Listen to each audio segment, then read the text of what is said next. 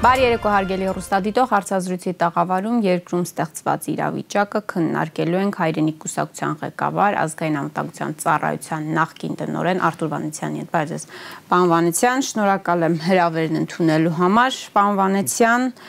Պաշտպանության բանակի նախկին հրամանատար, զինված ուժերի գլխավոր շտաբի նախկին պետ, Պաշտպանության նախարարության վերահսկողական ծառայության արդեն նախկին պետ, գեներալ գնդապետ Մովսես Հակոբյանը սկանդալային աղմկահարույց հայտարարություններով է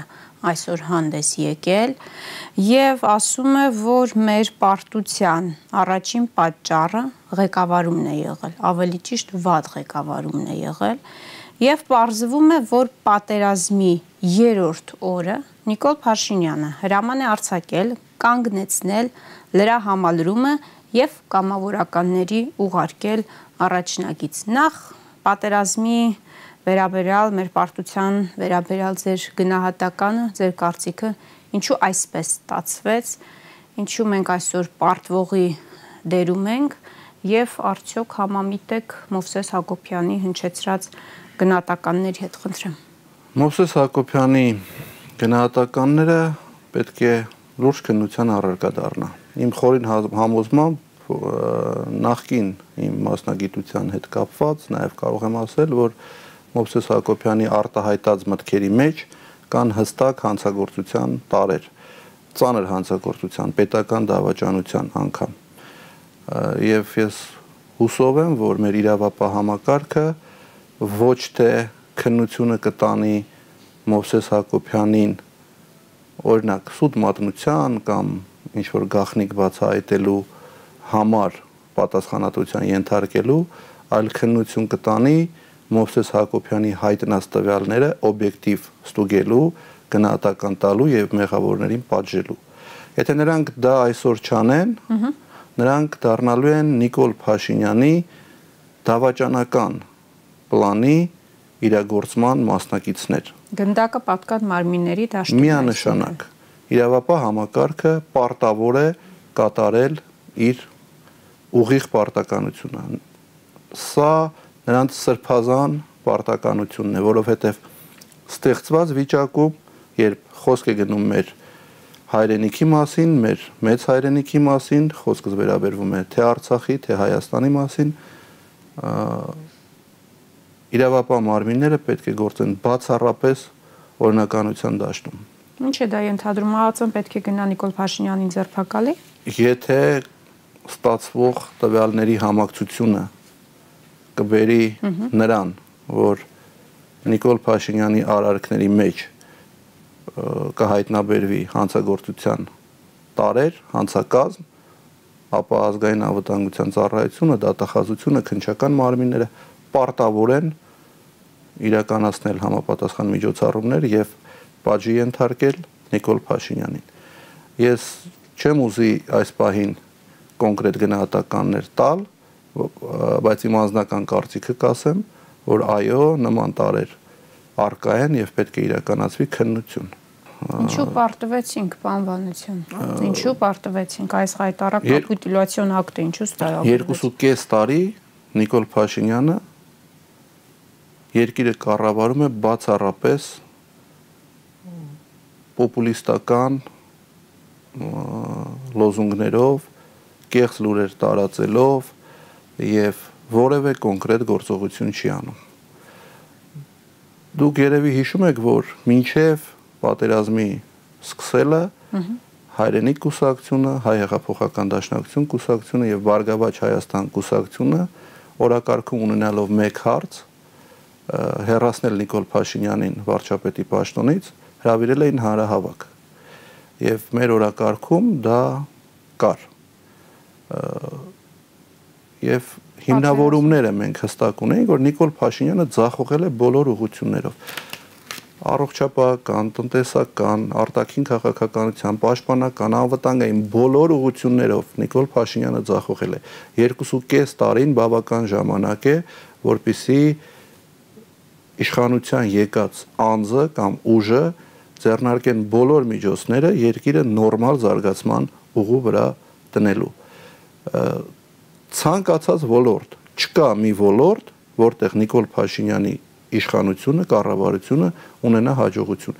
Բոլոր ոլորտներում մենք ունենք ցախողումներ։ 44 օր անընդմեջ առավոտից գիշեր մեզ Facebook-յան նույն տիրույթում մատուցում էին սուտ Այո, Մովսես Հակոբյանն էլ ասում, որ սուտը 100%-անոց է եղել պատերազմի ժամանակ։ Եթե Մովսես Հակոբյանին ես քիչ առաջ եթեր գալուց առաջ կարդացի, որ սուտ մատնության վարչապետի խոսնակը ասել էր, որ սուտ մատնության հետ կապված պետք է գործ հարուցվի, սուտ մատնության համար գործ պետք է հարուցվի Նիկոլ Փաշինյանի, Արծրուն Հովանեսյանի եւ մնացած պաշտոնյաների նկատմամբ, որովհետեւ նրանք 44 օր անընդմեջ ստել են։ Եվ եթե մեզնից որևէ մեկը փորձում էր հանրությանը ներկայացնել իրական պատկեր, մեզ կոչում էին ամենավերջին բառերով, դավաճանից սկսած վերջացրած մնացած իրենց բառամթերքում օգտագործվող բառերից։ Բայց ինչ ստում, Վանացյան։ Ինչու են 45 օր ստում, ինչու։ Որովհետև երկրի ղեկավարի պաշտոնը զբաղեցնող անձը քրոնիկ սուտասան է։ Ուղղակի Չէ, դա արդարացում չի։ Նա նա ամեն տեղ ստում է։ Նա մինչև հիմա ստում է։ Նա հիմա էլ է ստում։ Ինչ է նա անում։ Բերում է կեղծ օրակարգեր։ Իր պարտությունը, որը մենք փաստ ունենք, ունենք ստորագրված խայտարակ կապիտուլյացիոն հայտարարություն, նա փորձում է ներկայացնել էլի ստի միջոցով որ դա էր միակ ելքը, բայց հարց է առաջանում, ինչի նման հանգրվանի մենք եկանք։ Ինչն էր մեզ խանգարում։ Եվ կառավարում դիլետանտներ եւ որևէ բացակայություն պետական կառավարման։ Այս մարտիկ պետության հետ, պետականության հետ որևէ կապ չունեն։ Որևէ կապ չունեն։ Չեն ունեցել ու ցավոք սրտի չեն էլ սովորել ու ցանկություն էլ չունեն սովորելու։ 2.5 տարի բացառապես խაფել են։ Եկեք ցանկացած ոլորտ, եկեք վերլուծենք։ Որտեղ են իրենք ճիշտ խոսում։ Ոչ միտեղ։ Ոչ միտեղ։ Եկեք պատերազմը վերլուծենք, պարոն Վանեցյան։ Հիմա ապաշնոր կառավարման հետևանք էր փաստորեն այս ապաշնոր կառավարման հետևանքեր այո ապաշնոր կառավարման թե դավաճանության տարեր ապաշնոր կառավարման հետևանքեր բայց ապաշնոր կառավարումը դա արդեն դավաճանություն է եթե դու չես կարողանում կառավարել եւ հասկանում ես որ ի վիճակի չես այս բարդ իրավիճակում երկիրը ղեկավարել դու պարտավոր ես ուղակի ազնիվ կանգնել հանրության առջև եւ ասել ժողովուրդ կներեք չի ստացվում ես գնամ թող խելոք մարտիկ գան այս խնդրից մեզ հանեն։ Բայց ամենակարևորը, ինչի սկսեց պատերազմը։ Եվ Ես բազմիցս իմ հարցազրույցներում, հրապարակային ելույթներում եւ ոչ միայն ես մշտապես ասել ենք, որ Նիկոլ Փաշինյանի կողմից տարվող ապաշնոր եւ ապիկար արտաքին քաղաքականության արդյունքում մենք ունենալու ենք պատերազմ։ Արդյոք մեզ պատերազմ պետք է թե ոչ։ Իհարկե ոչ մեզ պատերազմ պետք չէր ու ես էլի պնդում եմ, որ պետք չէ։ Ես համոզված եմ, որ հնարավոր էր Արցախյան հակամարտության հարցը լուծել դիվանագիտական խողովակներով, բանակցային գործընթացի շրջանակներում, այնինչ Նիկոլ Փաշինյանը իր յուրաքանչյուր քայլով տանում էր մեզ պատերազմի։ Իմ հարցազրույցներից մեկում ես հրաապարակային հարց հնչեցրեցի Նիկոլ Փաշինյանին, եւ ասացի, խնդրում եմ գախնազերծեք, թե ինչ փաստաթղթի շուրջ եք բանակցում Արցախի հարցով։ Նիկոլ Փաշինյանը ցինիկ պատասխան տվեց ազգային ժողովում։ Ասաց, ինձ հարցնում են, թե ինչ թղթի շուրջ եմ ես բանակցում։ Ինչի շուրջ ուզում եմ, դրա շուրջ բանակցում եմ։ Այդ հայտնի արտահայտությունը դուք կհիշեք։ Տեսանք ինչի շուրջ էր բանակցում։ Այսինքն, եթե իր տրամաբանության մեջ դիտարկենք այդ հարցին, նա բանակցում էր Արցախի 100%-անոց կապիտուլյացիայի շուրջ։ 100%-անոց։ Այո, ըստ էության մենք ունենք այսօր խայտարակ կապիտուլյացիոն հայտարարություն, կապիտուլյացիայի մասին հայտարարություն 10 2.500 քառակուսի կիլոմետր մոտավորապես թվեր եմ ասում մեզ մեզ մնացել է ընդամենը այսօր մեր վերահսկողության ներքո շուրջ 2.500 քառակուսի կիլոմետր, այսինքն 10000 քառակուսի կիլոմետր մենք հանձնեցինք թշնամուն, դրա հետ մեկտեղ կորցրեցինք շուրջ 5000 զոհեր տվեցինք պետությունը մաշվեց, այսինքն մեր ֆինանսական միջոցները բոլորը մաշվեցին սպառազինություն սպառազինություն չունենք բանակը ծայրահեղ ծանր վիճակում է տնտեսությունը ապագայում լինելու է ծայրագույն վիճակում ունենալու ենք այսօրվա արդեն պաշտոնական թվերով 7-ից 8000 վիրավորներ, որոնց պետք է օգնել, բուժել եւ այլն եւ այլն։ Ինչ ունենք։ Ինչ ունենք։ 2.500 քառակուսի կիլոմետր մնացած տարածք ինչի համար Նիկոլ Փաշինյանի ապաշնոր կառավարման արդյունքում է դա եղել, թե դավաճանական համաձայնության արդյունքում է դա եղել։ Դա քննությունը ցույց կտա։ Անպայման պետք է իրականացվի քննություն եւ տրվի հստակ գնահատականներ։ Տեսեք, մի քանի փաստ եկեք համադրենք, պարոն Վանեցյան։ Գլխավոր շտաբի պետը Օնիկ Գասպարյանը հայտարարում է, որ դեռևս ամռանը զեկույցով է հանդես եկել եւ ներկայացրել է իրավիճակը տարածաշրջանում եւ որ հնարավոր պատերազմի դեպքում, իսկ այդ պատերազմը շատ հավանական է թվացել գլխավոր շտաբի պետին, հիմնված իր վերլուծությունների վրա, մենք պայքարելու ենք նաեւ Թուրքիայի դեմ։ Երբ որ արդեն պատերազմը սկսել է, 4-րդ օրը պատերազմի զգուշացրել է, որ օր առաջ պետք է մենք կանգնեցնենք պատերազմը։ Գլխավոր շտաբի նախկին պետը, վերահսկողական ծառայության նախկին պետ Մովսես Հակոբյանը ասում է, որ մինչև սեպտեմբերի 30-ը Նիկոլ Փաշինյանը օգնություն, ուշադրություն, օգնություն չի խնդրել Ռուսաստանից։ Հիմա Այս փաստերը համադրելով եւ նաեւ Պուտինի այն հայտարարությունը, որ հոկտեմբերի 20-ին ինքը կարողացել է համոզել Ալիևին, որ պատերազմը կանգնեցվի եւ Շուշի վերադառնան ադրբեջանցիները, բայց Շուշին շարունակի մնալ ադրբեջանական հայկական վերահսկողության տակ։ Երեք փաստ ընդամենը, երեք մարդու հայտարարություն, որոնք ըստ էության չեն էլ հերքվել ինչու կանք չի առել Նիկոլ Փաշինյանը։ Ես ձեր ներկայացված 3 փաստին ավելացնեմ 4-րդը։ 2018 թվականի մայիս ամսից սկսած ես որպես ազգային անվտանգության ծառայության տնօրեն բարբերաբար զեկուցել եմ Նիկոլ Փաշինյանին, այդ թվում անվտանգության խորհրդի անդամներին, որ հայկական բանակը այսօր հնարավոր սկսվող պատերազմի դեպքում պետք է պատրաստ լինի պայքարել թուրք-ադրբեջանական զինված ուժերի դեմ եւ մեր մարտունակության, բանակի մարտունակության մասին օբյեկտիվ տեղեկություններ մշտապես զեկուցվել է Նիկոլ Փաշինյանը։ Այսինքն հենց իր պաշտոնավարման սկզբից այսինքն թվականի մայիս-հունիս ամիսներին Նիկոլ Փաշինյանը իմացել է մեր բանակի իրական վիճակը։ Ես չեմ ասում, որ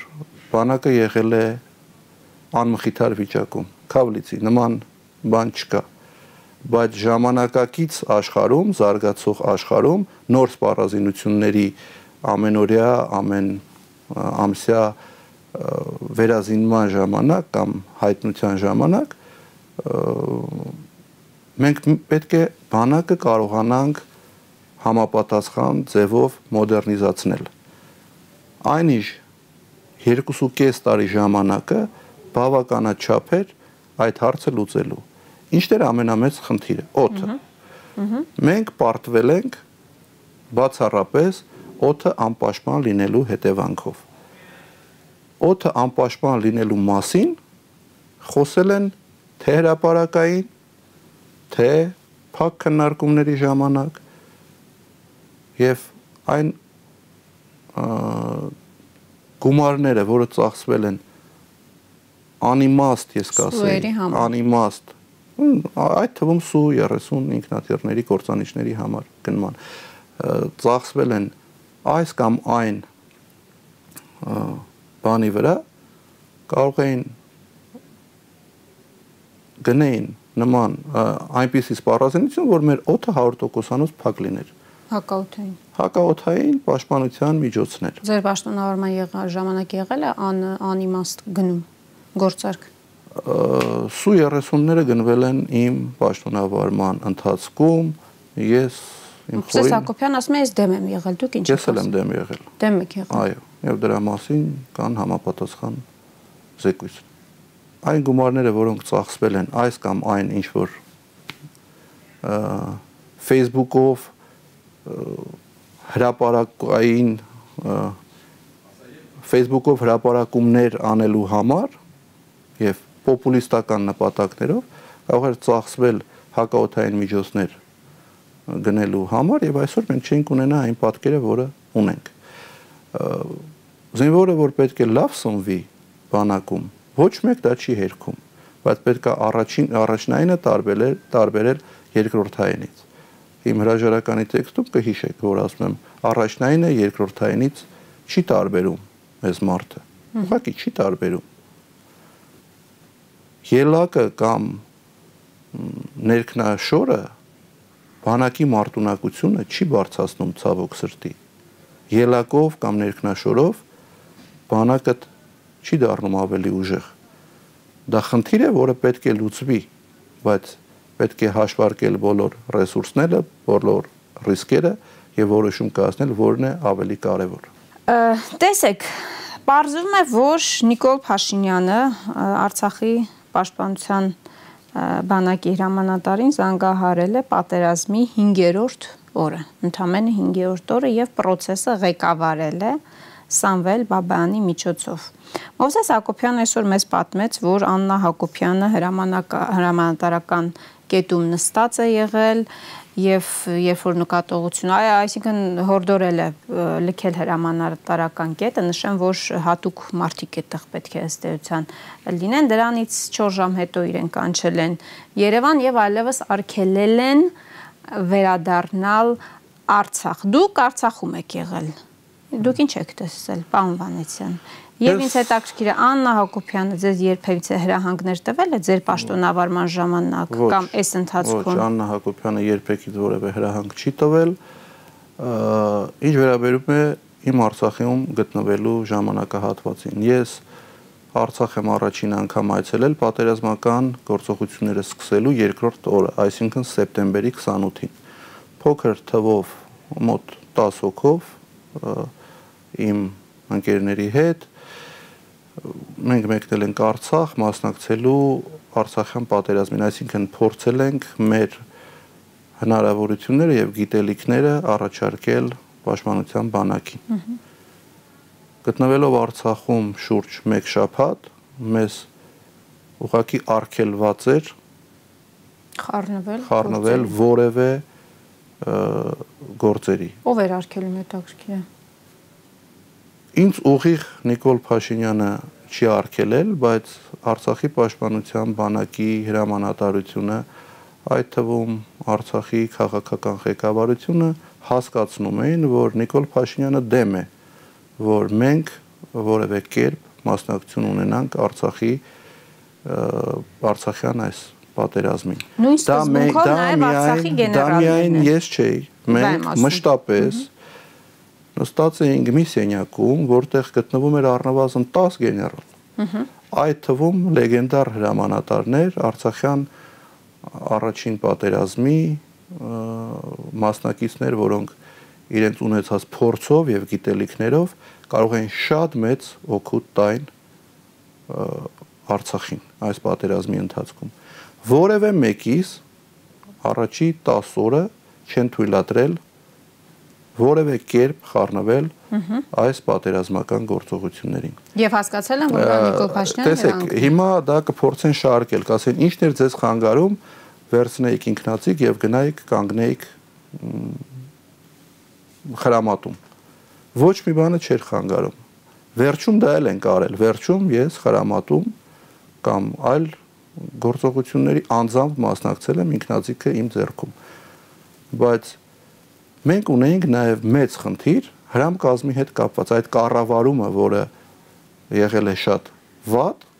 որը արդեն փաստվում է, կարող էին այդքան գեներալի գիտելիքներ օգտագործեին այս կամ այն ուղությամբ նշանակեին ինչ որ մի տեղ եւ ասեին այս մասի պատասխանատուն դուք եք առհասարակ հրամկազմը հատկապես գեներալի կոչում ունեցող մարդիկ, փորձ ունեցող մարդիկ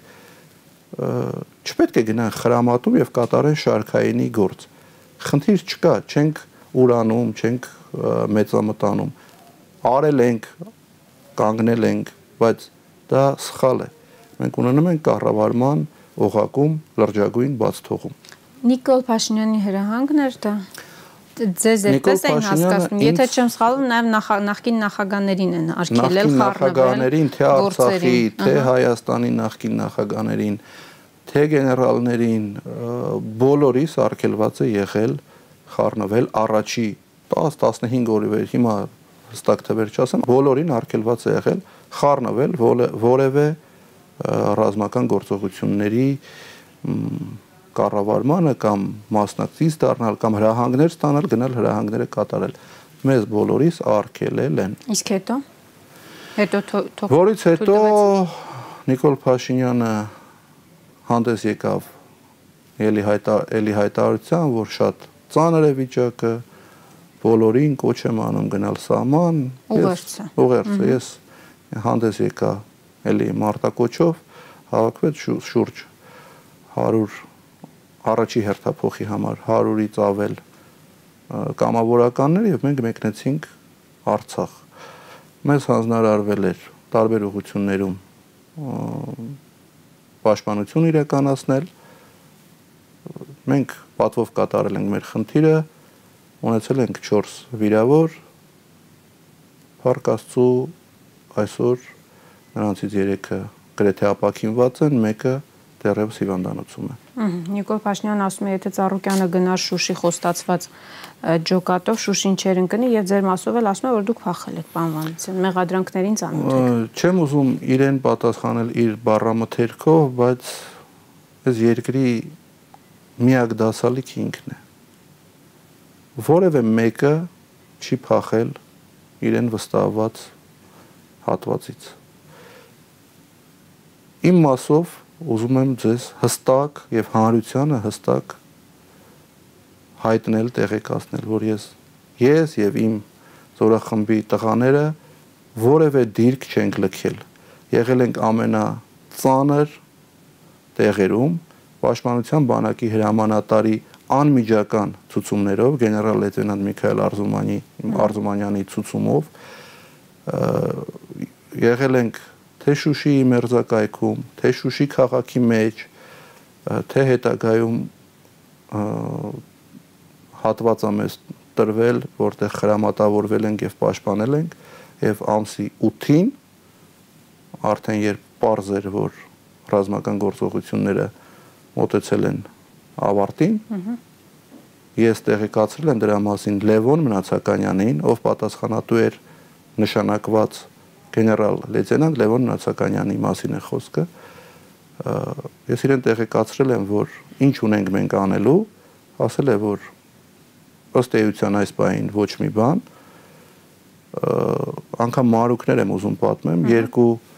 ռացիա էինք մենք ստացել պաշտպանության բանակից տարել եմ այդ ռացիաները հանձնել եմ պաշտպանության բանակի հրամանատար Միքայել Արզումանյանին իրար հետ հաջողություն ենք ասել եւ ես վերադարձել եմ իմ զորախմբով Հայաստան։ Դա կեղծ լուրեր են, թե մենք իբր լքել ենք դիրքերը։ Չկա նման բան։ Այդ հարցի պատասխանը հրաապարակային տվել է Լևոն Մնացականյանը, ով նորից հիշեցնեմ, որ եղել է մեր հատվածի հրամանատարը եւ դրա մասին կարծում եմ կարող եք նաեւ հարցնել Պաշտպանության բանակի հրամանատարին։ Պարոն Վանեցյան, շատ է քննարկվել Շուշի ընկնելու մասին։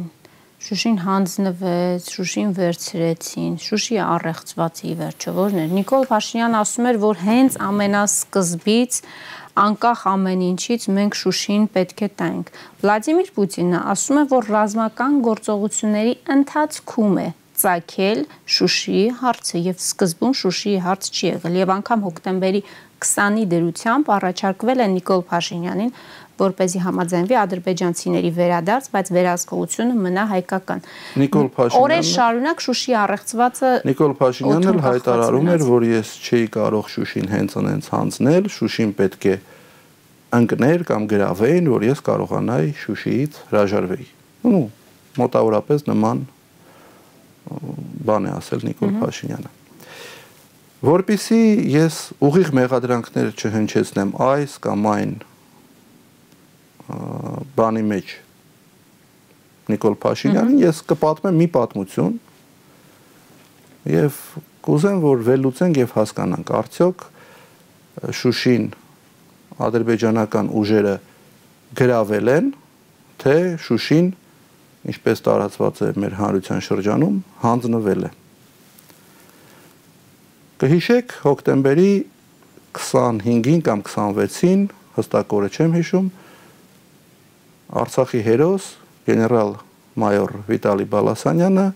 եկել էր Երևան եւ հանդիպել էր Նիկոլ Փաշինյանի հետ։ Այո։ Այդ հանդիպումը բոլորի համար տարօրինակ էր։ Այո։ Որովհետեւ Վիտալի Բալասանյանը այն անձանցից է, որը շատ խիստ քննադատության է ենթարկել Նիկոլ Փաշինյանին։ Նիկոլ Փաշինյանի հետ հանդիպումից հետո Վիտալի Բալասանյանը հանդես եկավ մարտակոչով։ Ասեց իմ բոլոր զինակից ընկերներին 28-ին։ Այո։ Եվ ասեց իմ բոլոր զինակից ընկերներին կոչ եմ անում գալ Արցախ միանալ պայքարին։ Վիտալի Բալասանյանը ինձ կների, բայց ես պետք է մանրամասները բացահայտեմ իր եւ Նիկոլ Փաշինյանի հանդիպման։ Վիտալի Բալասանյանը Նիկոլ Փաշինյանին ասել է հետևյալը. Որն է ամենածանր ուղությունը, որ մենք ունենք այսօր ռազմաճակատում։ Նիկոլ Փաշինյանը ասել է Շուշին։ Նիկո Վիտալի Բալասանյանը ասել է. հանձնարարեք ինձ Շուշիի պաշտպանությունը եւ եթե ես չհաջողեմ, դա ձեզ առիթ է, որ վեր կենակ եւ հրաապարակային ասեք Վիտալի Բալասանյանը չկարողացավ իրականացնել Շուշիի պաշտպանությունը եւ Շուշին ընկավ կհրճակեք ինձ դավաճան։ Նիկոլ Փաշինյանը համաձայնվել է եւ ասել է Վիտալի Բալասանյանին գնացեք եւ անցեք Շուշիի պաշտպանությանը։ Պայմանավորվել են։ Պայմանավորվել են, որից այ դրանից հետո է Վիտալի Բալասանյանը մարտակոչով Այո, հաջորդ օրը։ Այո։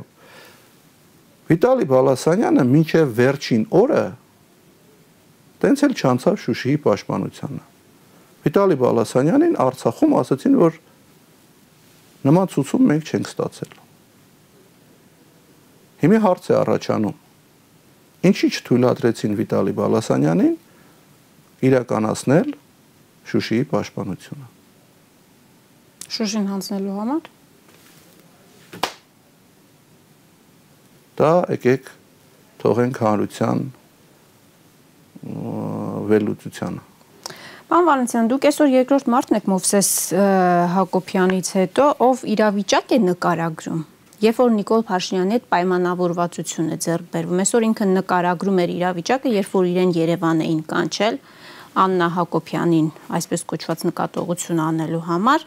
եւ ինքը 4 օր թե 1 շաբաթ շարունակ ամեն օր ժամադրել է Մովսես Հակոբյանին, բայց ամեն օր չի ընդունել եւ իր որոշումը շարունակ փոխվել է։ Այդ ինչ սև ուժ է, որ ազդում է Նիկոլ Փաշինյանի կայացրած որոշումների վրա, պարոն Վանեցյան։ Սև ուժ չկա, դա ուղղակի մարդու տեսակ է։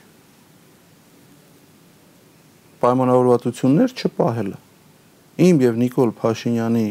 խնդիրներից մեկը մեր հարաբերությունները եղել է Նիկոլ Փաշինյանի պայմանավորվածություններ չպահելը։ Նա չի պահում պայմանավորվածություն։ Նա չգիտի իր խոսքի արժեքը։ Բազմաթիվ օրինակներ կարող եմ բերել նա առավոտյան ասում է մեկ բան, երեկոյան ուրիշ բան, գիշերը գրում է Facebook-ում լրիվ այլ բան, հաջորդ օրը կարող է ասել ես նման բան չեմ ասել, ու դա անում է երկրի առաջի դեմքը։ Երկրի առաջի դեմքը եւ առհասարակ բոլորը պետք է իմանան իրենց խոսքի արժեքը։ Կարող եմ հիշեցնել օրինակ մի դրվագ։ Նիկոլ Փաշինյանը Իրան կատարած այցի ժամանակ հրաապարակային հայտարարեց, որ սա Հայաստանում վխտում են գործակալները։ Այդ ժամանակ ազգային անվտանգության ծառայության տնօրենը ես էի դա եւ դա ուղիղ մեղադրանք էր իմ հասցեին։ Իմ հարցին թե ուր են այդ գործակալները, որովհետև լրագրողները հանրությունը ինձ հարց էին տալիս. ուր են այդ գործակալները, ինչի՞ չեք ձերբակալում։ Ուր են այդ այդ գործակալները, ինքը ասում էր, դե լավ։ Ուշադրություն մի դարձրա։ Մեկ ուրիշ դրվակ վերջի, վերջի հիշեցում. Հայտարարեց, որ Արցախում գոյացող պատերազմի ժամանակ հայտնաբերվել են դավաճաններ։ Այո։ Եվ ակնարկեց այդ դավաճանների թվում նաև իմ անունը։ Ազգային ժողովի խմբակցությունների հետ հանդիպման ժամանակ падգամավորներից մեկը հարցրել էր. Իսկ ինչ եղան այն դավաճանները։ Ասել էր, հա, այդ տեղեկությունը չհաստատվեց։ Հասկանում եք։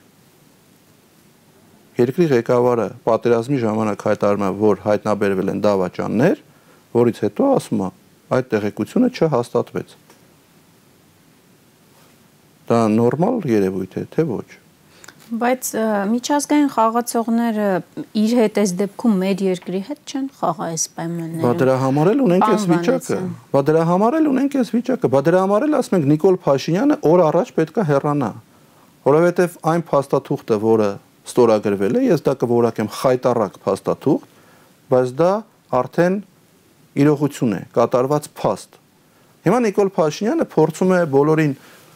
մոլորեցնել եւ ասել նաեւ միջազգային խաղացողներին, մասնավորապես Ռուսաստանի Դաշնությանը, որ իմ ընդդիմախոսները, ընդդիմությունը հիմա ուզում է իմ հրաժարականը, որpիսի այդ ստորագրած փաստաթուղթը չեղարկի։ Եվ նաև պատերազմ վերսկսի։ Եվ պատերազմ վերսկսի։ Ես պաշտոնապես հայտարարում եմ, որ մենք նման մտադրություն չունենք։ Այդ փաստաթուղթը իրողություն է եւ մենք ունենք մի նպատակ։ Այդ փաստաթղթի արդյունքում վերջնական ստորագրվող պայմանագիրը փորձել այնպիսի կետեր մտնել այդ պայմանագրի մեջ, որ լինի հայանպաստ։ Նիկոլ Փաշինյանը բարոյական իրավունք չունի եւ չի կարող ունենալ հայանպաստ որոշումներ կայացնելու, որովհետեւ ինքը արդեն պարտված առաջնորդ է։ Ինքը չի կարող մեր շահերը պաշտպանել։ Այս պայմանագրի իմպլեմենտացիան ինքը չի կարող անել։ Շատ վառ օրինակ է, օրինակ երեկվա դեպքը, երբ 7 գյուղ, որը ըստ նախնական պայմանավորվածություն պետք է մնային հանձնվեցին Ադրբեջանին հայկական վերահսկողության ներքո հանձնվեցին Ադրբեջանին Նիկոլ Փաշինյանը Ալիևի ամենավերջին ստորացուցիչ արտահայտություններին եթե նկատել եք ոչ մի բան չի պատասխանում Ինչու Ինչու չի պատասխանում Ես չգիտեմ Այդ որ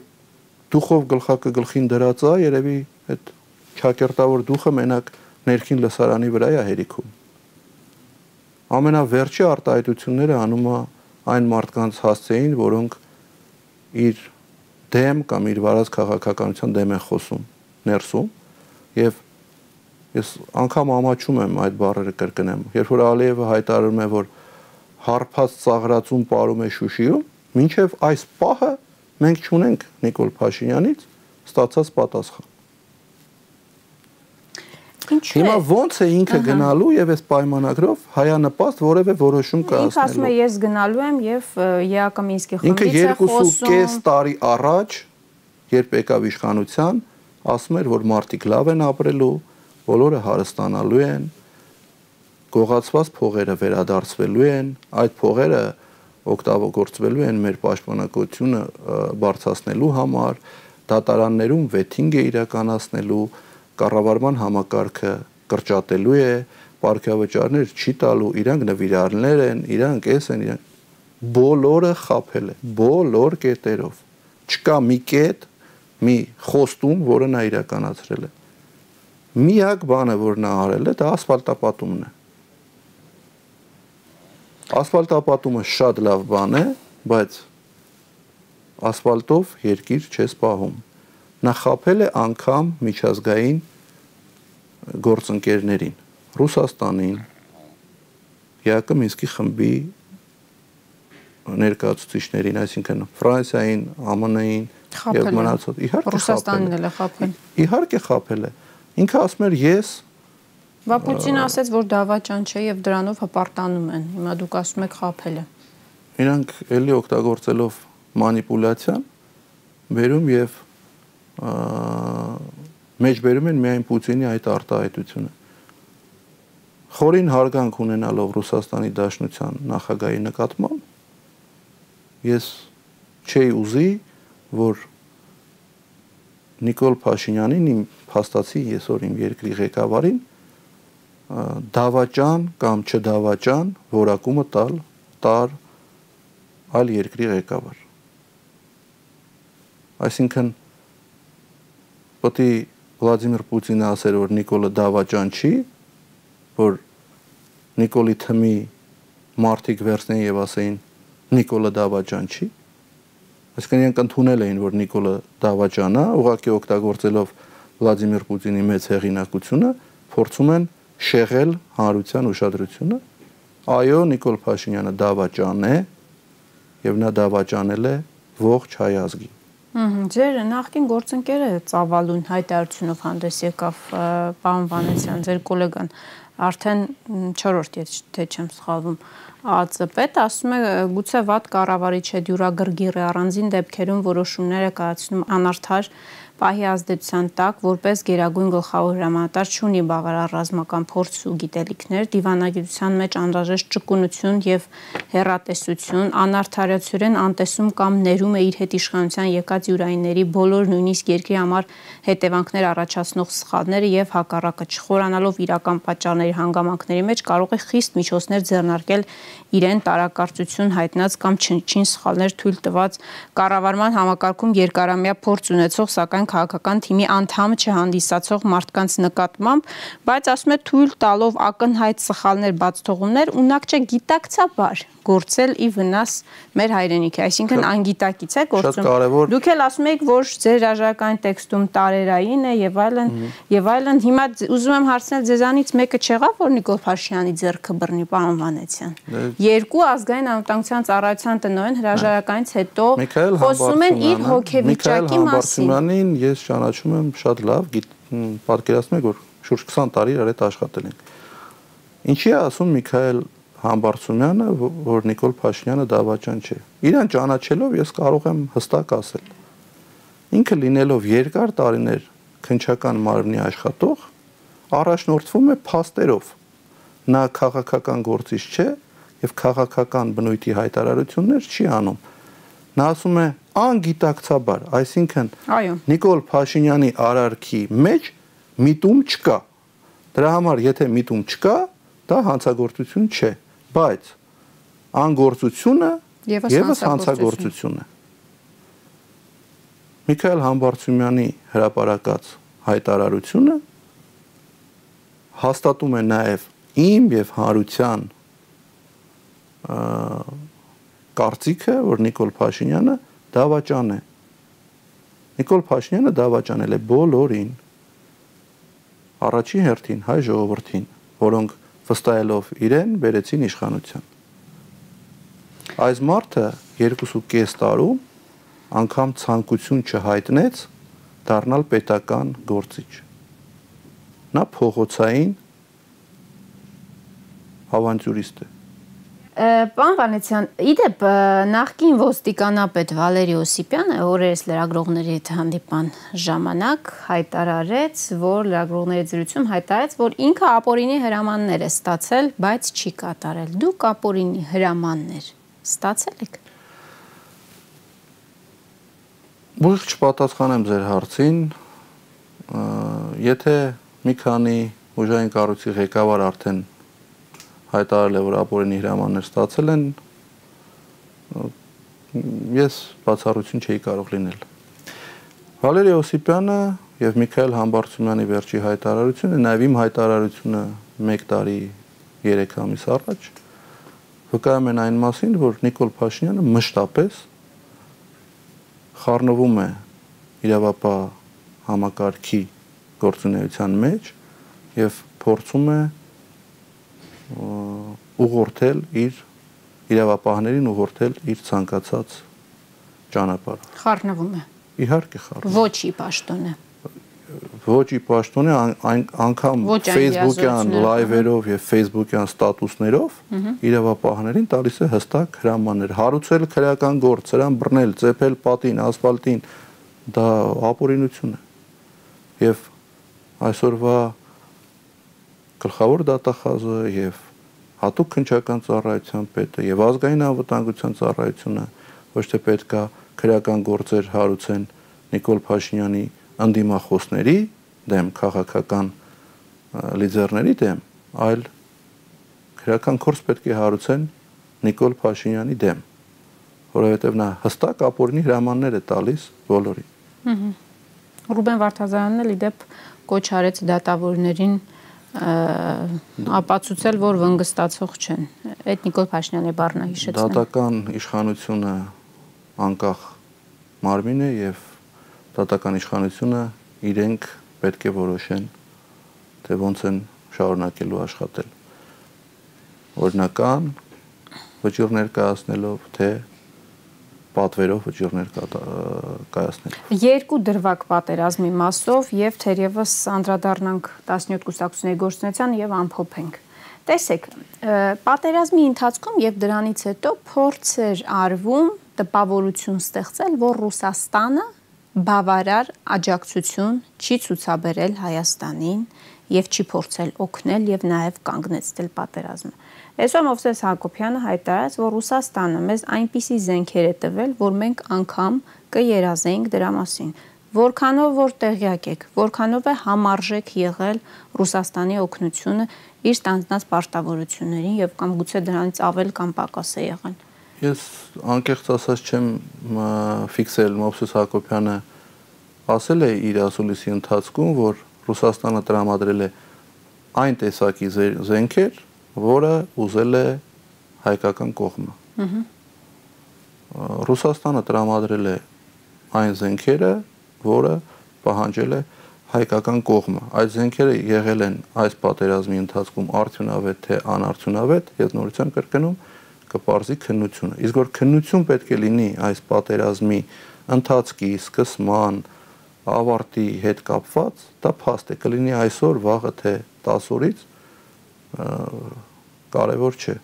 բայց հստակ մենք պետք է հասկանանք ինչ է եղել, ով է մեղավոր եւ ինչի այսպես ստացվեց։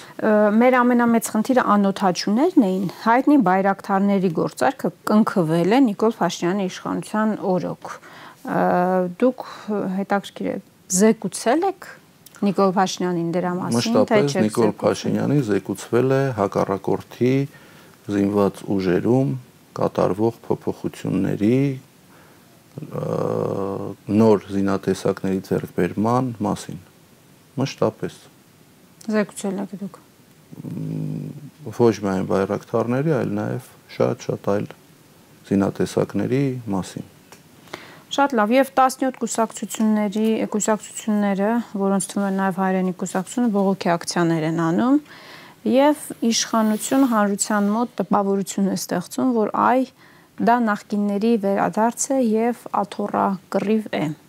ինչպես եք գնահատում, ինչ եք պատրաստվում անել եւ ինչպես եք հասնելու Նիկոլ Փաշինյանի հրաժարականին։ Տեսեք, Նիկոլ Փաշինյանը եթե ունենա բարոյականություն, ուղղակի պետքա վեր կենար, ներողություն խնդրեր, հրաժարական տար եւ հեռանար։ Այնինչ Նիկոլ Փաշինյանը հիմա եւ առհասարակ պատերազմի ողջ ընթացքում իր բոլոր գործողությունները միտված են եղել իր իշխանությունը պահպանելուն։ Պատերազմի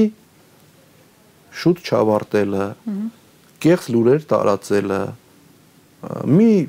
վառ օրինակ ամենամեծ կեղծիքը, որը արել է անձամբ Նիկոլ Փաշինյանը։ Նոյեմբերի 8-ին, я ներողություն, նոյեմբերի 9-ին, այսինքն պատերազմի վերջին օրը ցերեկը Նիկոլ Փաշինյանը իր Facebook-յան էջում գրում է. Շուշիի համար մարտերը շարունակվում են։ Այնինչ հետո པարզ դարձավ, որ նոյեմբերի 5-ից Շուշին արդեն չի եղել հայկական կողմի վերահսկողության ներքո։ Եվ նոյեմբերի 9-ից լույս 10 Նիկոլ Փաշինյանը ստորագրեց այդ խայտարակ կապիտուլյացիոն հայտարարությունը։ Հիմի հարց է առաջանում. ինչեր խափում Նիկոլ Փաշինյանը մինչև վերջին պահը։ Դա լկտի սուտ է։ Այսինքն երկրի վարչապետը ողջ հանրությանը մոլորեցնում է, որ Շուշիի համար մարտերը շարունակեն, այնինչ Շուշին արդեն 5 օր մեր վերահսկողությունից դուրս էր։ Բոլոր իր քայլերը այսօր էլ միտված են իր իշխանությանը պահպանելուն։ Այն 5000 զոհված տղաները զոհվել են հանուն Նիկոլ Փաշինյանի իշխանության հանուն Նիկոլ Փաշինյանի իշխանությունը պահպանելու Ինչու է դա Մենք էլ ենք պատրաստ, բոլորս պատրաստ ենք զոհվել հանուն մեր հայրենիքի։ Մի վարքյան աչքներս չենք թարթի եւ կզոհվենք հանուն Արցախի, հանուն Հայաստանի։ Եթե ես իմանամ, որ գալու ենք սեպտեմբերի 27-ի վիճակին, պատրաստ եմ ես ինքը զոհվեմ, մենակ հետ գանք այս վիճակին։ Նիկոլ Փաշինյանը հեռանալու է, Վանեցյան։ Դա ակնհայտ է։ Ինչու է հետաձգումի հրաժարականը։ Ես դա չեմ կարող հասկանալ։ Ֆուտբոլի թիմը երբ պարտվում է խայտարակ հաշվով իր հակառակորդին, ֆուտբոլի թմի գլխավոր մարզիչը իր վրա է վերցնում պատասխանատվությունը եւ հեռանում։ Չի ասում ֆուտբոլիստը վատ է խաղում, էս վատ է խաղում։ Ինքը ասում է սրանք վատ կռվեցին, նրանք քիչ կռվեցին, սրանք փախան, բայց պատասխանատուն ես եմ։ Ընկեր պատասխանատուն դու ես, վեշրը հավաքի գնա։ Գնա թող նորմալ մարդիկ գան երկիրը դզեն։ Մենք ունենալու ենք ծայրահեղ դժվար ժամանակահատված։ Մենք ունենալու ենք անվտանգային խնդիրներ, ունենալու ենք սոցիալական, հումանիտար, առողջապահական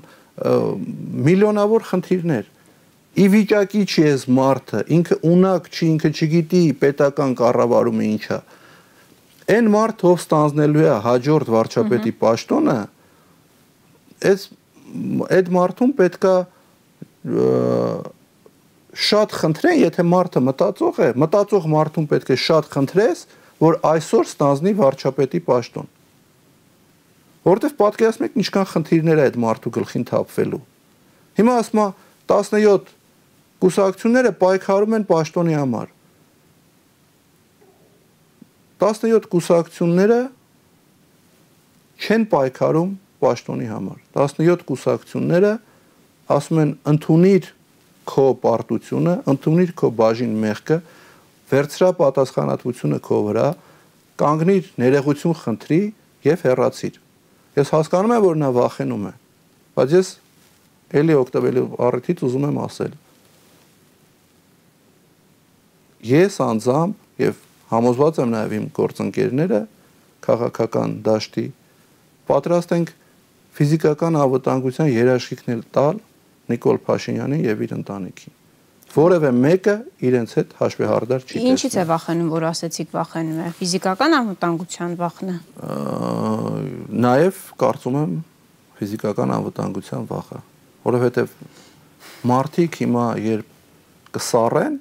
կհասկանան թե ինչ ողբերգություն է տեղի ունեցել։ Դա ողբերգություն է, իրական ողբերգություն։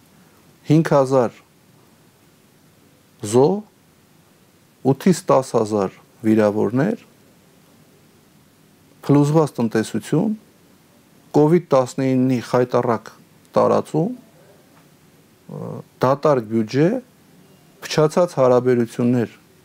հիմնական միջազգային խաղացողների հետ, բարեհոգեբանական մտնոլորտ երկրում խայտարակ ու Նիկոլ Փաշինյան։ Եվ այդ ամեն ինչի մեղավորը այնքան երես ունի, շատ կներեք, որ շարունակում է պայքարել իր, իր իշխանության համար։ Նա պատանդի կարգավիճակում է պահում այսօր իմ քայլը խմբակցության падգամավորներին, իրավապահ համակարգին, որpիսի նրանք պաշտպանեն իր իշխանությունը։ Տղեկ, մի արեք, մի արեք, Նիկոլ Փաշինյանը պետք է հեռանա Իմ քայլի падգամավորները տարբեր եղանակներով կապ են հաստատում իմ հետ եւ ասում են, որ Նիկոլ Փաշինյանը վախեցնում է, ասում է, ով հանկարծակի իմ դեմ խոսած դավաճան է եւ այլն եւ այլն եւ այլն։ Օթում կախված լուրերի համաձայն կրիմինալ աշխարհի ներկայացուցիչներին ուղղորդում է դեպի падգամավորներ որպիսի նրանք գնան եւ ֆիզիկական հաշվեհարդար տեսնելու սպառնալիքով падգամավորներին պահեն Նիկոլ Փաշինյանի շուրջ։ Վարդան Աթաբեկյան դեպքը մենք տեսանք շատ կարճ պանվանեցյան, շատ կարճ ժամանակը սպառվել է։ Ձեզ մեղադրում են Նիկոլ Փաշինյանի սպանությունը կազմակերպելու մեջ այդ գործի շրջանակներում չեք ընդունում մեղադրանքը ցանկություն չեք ունեցել սա հերթական շոուն է բեմադրված Նիկոլ Փաշինյանի կողմից որպիսի ցույց տա հանրությանը թե իր կյանքին վտանգ է սպառնում որ խղճի խղճի զգացում առաջացնի հանրության մեջ ես իմ ողջ կյանքում որևէ հանցագործություն չեմ գործել ես մշտապես հանդես եմ եկել իմ հրաժարականից հետո եւ քաղաքականություն մուտք գործելուց հետո Նիկոլ Փաշինյանի հրաժարականի պահանջով, բայց մշտապես ինչի համար թերևս քննադատվել եմ, մշտապես հանդես եմ եկել, որ իշխանապողությունը Հայաստանի Հանրապետությունում այլևս պետք է լինի բացառապես սահմանադրական ճանապարհով։ Ում եք տեսնում հաջորդ վարչապետ։ Ձեզ տեսնում եք օրինակ։ Վարչապետի տեխնացուի հարց դեռևս 17 կուսակցությունները չեն քննարկել, բայց ես համոզված եմ, որ կան շատ-շատ ունակ եւ խելացի մարդիկ, որոնք կարող են այս դժվար պահին ստանձնել այդ պատասխանատու աշխատանքը եւ ղեկավարել երկիրը։ Բայց մի կարևոր հանգամանք կա, որի վրա կուզեի մեր հանրության ուշադրությունը դարձնել։ Նիկոլ Փաշինյանը հիմնական օրակարգից շեղվելու համար էլի բերել է մի կեղծ օրակարգ եւ ասում է իմ այլ ընտրանքը նախկիններն են։ Ես ուզում եմ հայտարարել, որ որևէ պարագայում նախկինին վերադարձ չի լինելու եւ մենք գնում ենք դեպի ապագա։ Ու խնդրում եմ մեր հանրությանը դուրս եկեք փողոց, միացեք մեր պայքարին Սա պայքար է հանուն հայրենիքի, սա վեր կուսակցական պայքար է, սա պայքար չէ քաղաքական դիվիդենտներ շահելու համար։ Սատարում եք այս կուսակցությանը, չեք սատարում այս կուսակցությանը, սիրում եք այս անհատին, չեք սիրում այս անհատին։ Դա այդ հարցը չէ։ Սա մեր երկրի, մեր ապագայի, մեր երեխաների համար պայքար է։ Նիկոլ Փաշինյանը վերջի 2.5 տարիների ընթացքում ցույց տվեց, որ իր բոլոր քայլերը միտված են մեր երկիրը քանդելուն։ Նա քանդող է, նա կառուցող չէ։ Իսկ դες տեսնում եք Պան Վանեցյան վարչապետի պաշտոնում։ Գիտեք, այդ հարցը եկեք թողենք քաղաքական ուժերի քննարկմանը։ Եվ ի վերջո ամենակարևորը հանրության կողմից պետք է ընտրվի օրինական իշխանություն, այսինքն եթե մենք հիմա փոխում ենք Նիկոլ Փաշինյանին մի քանի ամիս հետո անպայման պետք է անցկացվեն խորհրդարանական արտահերտ ընտրություններ եւ հանրությունը պետք է ձևավորի իր իշխանությունը դա ամենակարևոր սկզբունքն է որը մենք պետք է բայց այդ մի քանի ամիս հետո պետք է վարչապետ լինի չէ անպայման այդ ժամանակավոր վարչապետ կարամ լինեմ ես կամ կարա լինի մեկ այլ գործիչ։ Շնորհակալ եմ զրույցի համար։ Էլ եմ շնորհակալ։ Հարցազրույցի տաղավարում իմ հյուրը ազգային անվտանգության ծառայության նախկին տնօրեն հայրենի կուսակցության ղեկավար Արտուր Վանեցյանն էր։ Ամուրը կհանդիպենք վաղը։